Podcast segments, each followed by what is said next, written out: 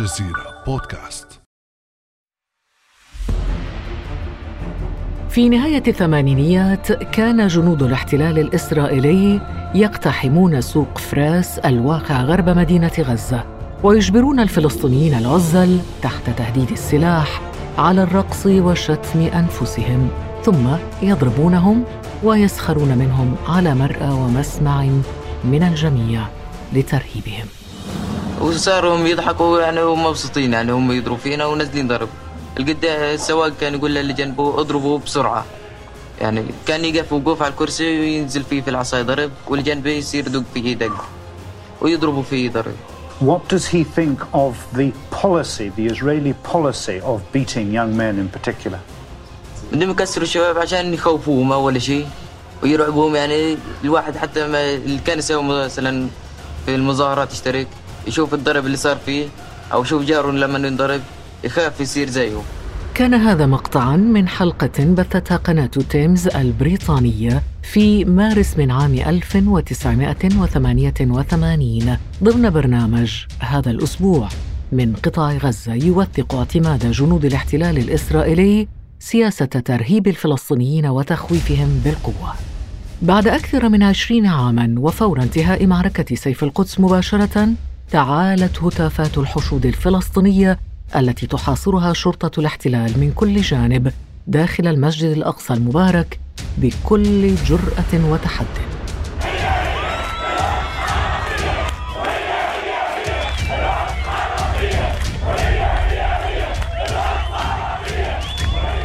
وبين الأزقة الضيقة في القدس العتيقة رفع الفلسطينيون شارة النصر في أعين جنود الاحتلال بل ورموهم بالأحذية وهناك قرب أحد الحواجز في مدينة الخليل صرخ الحاج زياد أبو هليل بكل شجاعة في وجه جنود الاحتلال الإسرائيلي قائلا روحوا تشطروا على حماس في غزة. الله يلعن عظمته أبوك وأبو الضابط تبعكم يا كلاب يا عرصات. لا لا أبو أبوك وأبو اللي جابكم هذا. ليخوا لعزة لحماس. تروا ما يعسوا لكم تحكوا عد معاد تلين باتم مخبارين تحت ال... تحت الرتبة. كين كين كين. مشاهد تداولها الملايين حول العالم وضعت هيبة الاحتلال الإسرائيلي بجيشه وشرطته على المحك. فكيف استطاع الفلسطينيون اقتلاع الخوف وأسطورة الجيش الذي لا يقهر من قلوبهم وعقولهم؟ وكيف عمل الاحتلال الإسرائيلي لأكثر من سبعين عاماً على زرع الخوف من جيشه في قلوب الفلسطينيين والعرب. وماذا بعد انتهاء حقبة الخوف؟ بعد أمس من الجزيرة بودكاست أنا خديجة بن جنة.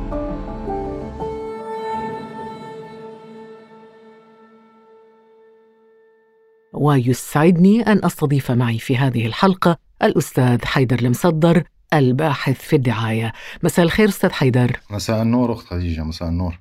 أستاذ حيدر المصدر بداية على مدار سنوات وسنوات طويلة كيف زرع الاحتلال الإسرائيلي الخوف في قلوب الفلسطينيين وعقولهم؟ يعني قبل الحديث عن كيفية زراعة الاحتلال الإسرائيلي للخوف في قلوب الفلسطينيين آه، من الضروري الإشارة إلى ثلاثة استراتيجيات تهيمن على الفعل الدعائي الإسرائيلي تجاه الفلسطينيين بشكل عام. أولها استراتيجية بث الخوف والرعب. ثانيهما استراتيجية التفريق والتشتيت وثالثا الأنسنة أي الظهور بمظهر الضحية. هذه الثلاث استراتيجيات تدار بشكل متكامل ومتزامن لتحقيق نتائج تخدم الأهداف الإسرائيلية. أما فيما يخص كيفية زراعة الاحتلال الإسرائيلي للخوف فهذا مرده برأيي إلى أسلوبان. الأسلوب الأول أسلوب دعاية الفعل. ما هي دعاية الفعل؟ هي عمليات عسكرية تشن أصلا لتحقيق تأثير نفسي. أي أنها مصممة بالأساس لتحقيق تأثير في إدراك الجماهير باستخدام فعل مادي. مثال على ذلك مثال قديم على ذلك المجازر اللي ارتكبت آه، قبل عام 1948 مثل مجزرة دير ياسين.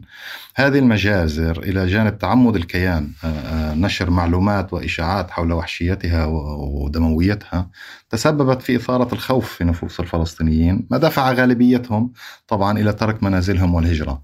وبالمناسبة دعاية الفعل لا زالت تمارس اليوم ولكن تحت سقف مصطلح حديث آه، يطلق عليه العمليات القائمة على التأثير أو ال effect based operations أو ومن تمثلاتها حاليا خصوصا في المعارك الأخيرة قصف الأبراج والمنازل على رؤوس ساكنيها وتعمد قتل أكبر عدد ممكن من الفلسطينيين.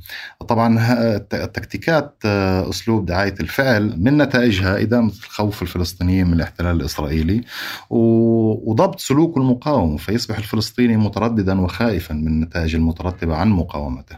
طبعا الأسلوب الثاني أنا أفضل أن أسميه أسلوب التضخيم. اللي هي تضخيم قدرات إسرائيل في في ذهن الجمهور الفلسطيني. آه، كي يصل إلى استنتاج نفسي باستحالة الانتصار عليه على إسرائيل وهزيمتها. طبعا آه، تمثلات هذا الأسلوب الثاني كثيرة آه، مثل استعراضات القوة الإسرائيلية أو تعمد منظومة الدعاية الإسرائيلية ضخ معلومات عن الإنجازات الأمنية والعسكرية بحق الفلسطينيين أو اجتهادها في مجال زراعة الإحباط واليأس. وجميع ما سبق بمرور الوقت والتكرار أسهم في تعزيز الخوف من الكيان. لذلك باعتقادي أنه مقولة الجيش الذي لا يقهر يعني هي بالأساس تلخيص للأسلوب دعاية الفعل وأسلوب التضخيم. طيب هذه التكتيكات كلها تعتمد بالتأكيد على ماكنة إعلامية دعائية كبيرة وحملات بروباغندا قوية. حدثنا عن ذلك أستاذ حيدر. الإعلام الإسرائيلي بشكل عام بيؤدي دور هائل ومحوري في مضمار إشاعة الخوف. وهو بيعتبر القناة الرئيسية لبث الخوف خاصة وأن الفلسطينيين يتابعون أو يتعرضون بكثافة للإعلام الإسرائيلي.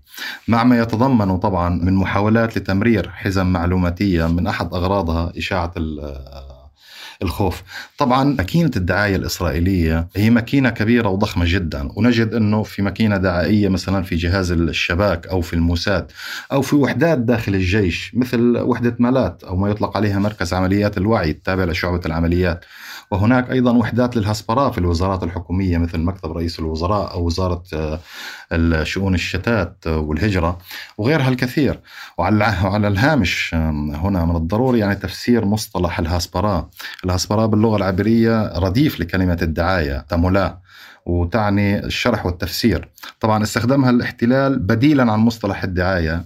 لتجنب المدلولات السلبية المرتبطة بمصطلح الدعاية أي أنه نوع من التحايل والالتفاف على المعنى لا أكثر. لكن بالنسبة لأسطورة الجيش الذي لا يقهر برأيك كيف أثرت على سلوك الفلسطينيين في فترات زمنية معينة؟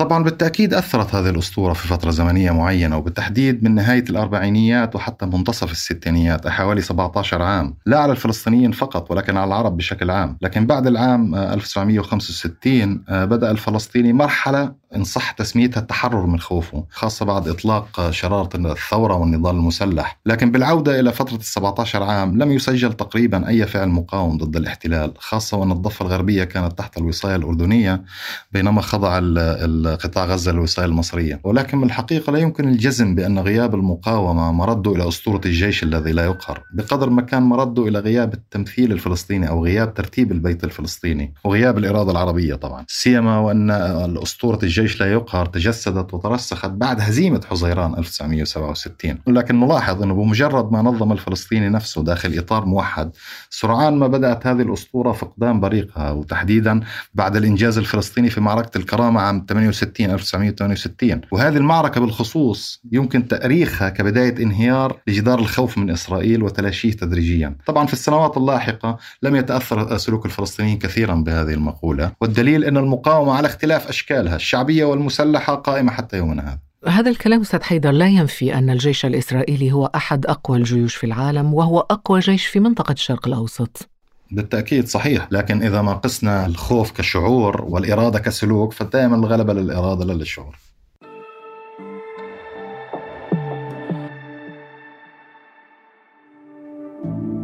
بعد أمس يأتيك صباح كل يوم مع فنجان قهوتك. لا تنسى تفعيل زر الاشتراك في تطبيقك لتصلك الحلقات الجديدة في الصباح الباكر.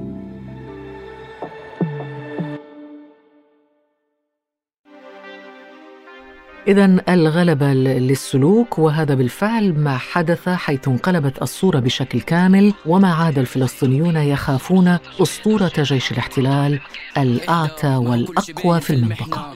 الله بيشهد إحنا رجاله ضمن طرطش نفشلك بنضرب حرب الليلة ما بنغلب بدك جبال وعادي منهدلك مرحب فيك في ولاد القدس مندبر. حالنا نحل اللغز. رنيت على نفحة وكل بخشوك شفنا وياما وكله بصف. ولا مرة نخاف ولا مرة ونص. بدك بركان بنفقع بوف. نعمل لك حفلة تخش هذا مقطع أستاذ حيدر من أغنية شباب فلسطيني على اليوتيوب بعنوان إن أنقذ آن أوانه. وحصدت في الواقع هذه الأغنية قرابة سبعة ملايين مشاهدة هذا عدد كبير جدا خلال ثلاثة أسابيع فقط. وكما استمعنا الأغنية تتحدث عن كسر حاجز الخوف من إسرائيل واللامبالاة بسجونها سجن نفحة والجلمة. أستاذ حيدر هل يمكن القول أننا اليوم أمام فلسطيني جديد لا يخاف إسرائيل؟ يعني من مدخل اجتماعي نحن لسنا أمام فلسطيني جديد. الفلسطيني لم يتغير. أشكال نضاله هي التي تتبدل كل فترة والدليل أنه خاض انتفاضة شعبية امتدت على مدار سنوات تخللها صدامات وعمليات فردية وإضرابات وأشكال نضالية مختلفة. ثم لاحقا خاض انتفاضة ثانية ثم معارك وحروب.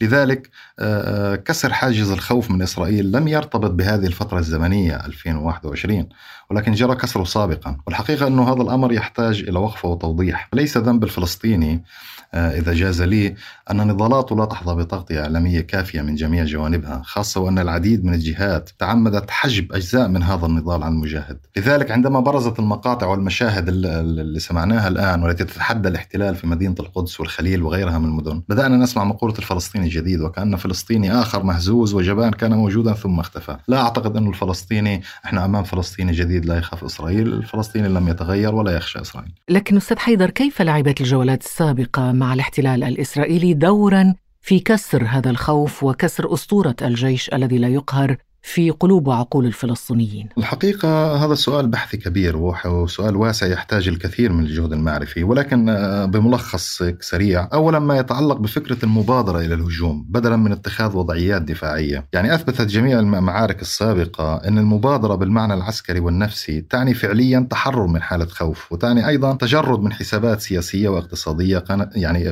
تحكم أو كانت في السابق تحكم فكرة خوض مواجهة مع إسرائيل وتحقيق نصر عليها ولو جزئي وهذا يعني على الأقل آه، في ذهن المقاومة أن إسرائيل لم تعد بالصورة العاتية التي حاولت ترسيخها عن نفسها. الأمر النقطة الثانية ما يتعلق بأشكال وأنواع الفعل العسكري للمقاومة وقدرتها قدرة هذه الأشكال على التأثير في الاحتلال. يعني لو نظرنا إلى توجيه ضربات للعمق المحصن توجيه ضربات آه، قاسية للجيش سواء باستخدام الصواريخ مضادة للدروع أو المضادة للقطع البحرية وغيرها كثير هذا التنوع الذي يعمل بصورة منسجمة ومتناغمة كشف يعني أن الفعل العسكري المبني على خطط وتجهيزات كافية ويعتمد على رصد لنقاط ضعف العدو قادر على تحقيق إنجاز ومن يقوم بهذه الأفعال بالتأكيد آه، لا يشعر بالخوف تجاه إسرائيل. النقطة الثالثة المرتبطة بالجولات اللي هي التغطية الإعلامية والمقاطع الإعلامية التي رصدت العمليات التي تشنها المقاومة ضد الجيش الإسرائيلي والخسائر التي لحقت به. طبعا كل هذا أسهم في تعزيز الثقة بالفعل العسكري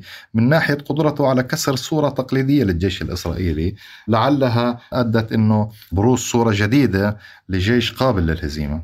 طبعا النقطة الأخيرة ممكن نحيلها إلى التراكمية والإستخلاصات المترتبة والمستفادة عن كل مواجهة. يعني رفعت من حرفية الفعل العسكري. لذلك نجد أنه في كل مواجهة آه، تطور جديد. من آثاره رفع رصيد المقاومة للرد الشارع الفلسطيني وترسيخ الإيمان بجدوى المقاومة بشكل عام. لكن هل تعتقد أنه هذا الواقع الجديد ربما يعمق الهاجس الأمني لدى إسرائيل؟ بالتأكيد ليس الهاجس الأمني فقط بل الهاجس الوجودي ومن المتوقع جدا ألا تسلم إسرائيل بالواقع الجديد اللي بتحاول المقاومة تفرضه. وقد تلجأ إلى مزيد من الإجراءات الأمنية والعسكرية بحق الفلسطينيين يعني سواء في الداخل أو في الضفة الغربية أو في قطاع غزة. وتعلمنا من تاريخ صراعنا مع إسرائيل أن يعني أنه كيان لا يكل ويمارس أنشطة سرية وعلنية من شأنها الإضرار أو التأثير في أي واقع لا يخدم أهدافه. ودعينا هنا نذكر المستمع أنه الهبة الفلسطينية الجماعية المنطلقة على التوازي من غزة والضفة والداخل والتي تتوحد خلف عنوان جامع عنوان القدس. يعني أحيت صورة كيان هش يمكن مجابهته والتأثير أو الضغط عليه يعني باتباع جهد جماعي. وهذا بالنسبة لإسرائيل سيناريو كارثي ستسعى ألا يتكرر. أخيرا أستاذ حيدر تواجه إسرائيل اليوم جيلا فلسطينيا وعربيا. لا يخشى إسرائيل ولا جيش إسرائيل. كيف سيؤثر ذلك على أي مواجهة جديدة مع الاحتلال الإسرائيلي برأيك؟ هو حقيقة آه، من الصعب التكهن بكيفية تأثير ذلك على المواجهة مع إسرائيل لكن يمكن استنباط بعض المؤشرات من الواقع من هذه المؤشرات آه، ممكن زيادة أعداد المنتسبين إلى فصائل المقاومة سواء فلسطينيا أو عربيا وزيادة انخراط علماء عرب في تطوير العمل المقاوم. وأيضا آه، لعله توسع رقعة الشباب المنخرط في المجهود الدعائي المقاوم بغض النظر عن تواجده الجغرافي والحقيقة هن تحديدا يجب الإشارة إلى ملاحظة ظهرت جليا خلال معركة سيف القدس وهو أن الم... يعني أن المقاومة بدت عربية أكثر منها فلسطينية خالصة. فالزواري مثلا كان مسؤولا عن تطوير الطائرات المسيرة في كتائب القسام وهو تونسي الجنسية جمعة طلحة المسؤول عن تطوير الصواريخ كان أردني الجنسية. صحيح. الشباب اللي شارك في الحملة الدعائية كان معظمه شباب عربي وكان له تأثير قوي وكبير. والمقاومة الإلكترونية أيضا انخرط فيها الجميع. طبعا المقاومة الإلكترونية طبعا الدعاية السيبرانية بلغتنا. لذلك في المستقبل آه، قد نشهد مزيد من الانخراط العربي على المستوى المجتمعي في العمل المقاوم. وهذه حقيقة يعني ممكن نستنتج منها أمر آخر وأنه أنه جهود التطبيع آه، ضربت في مقتل.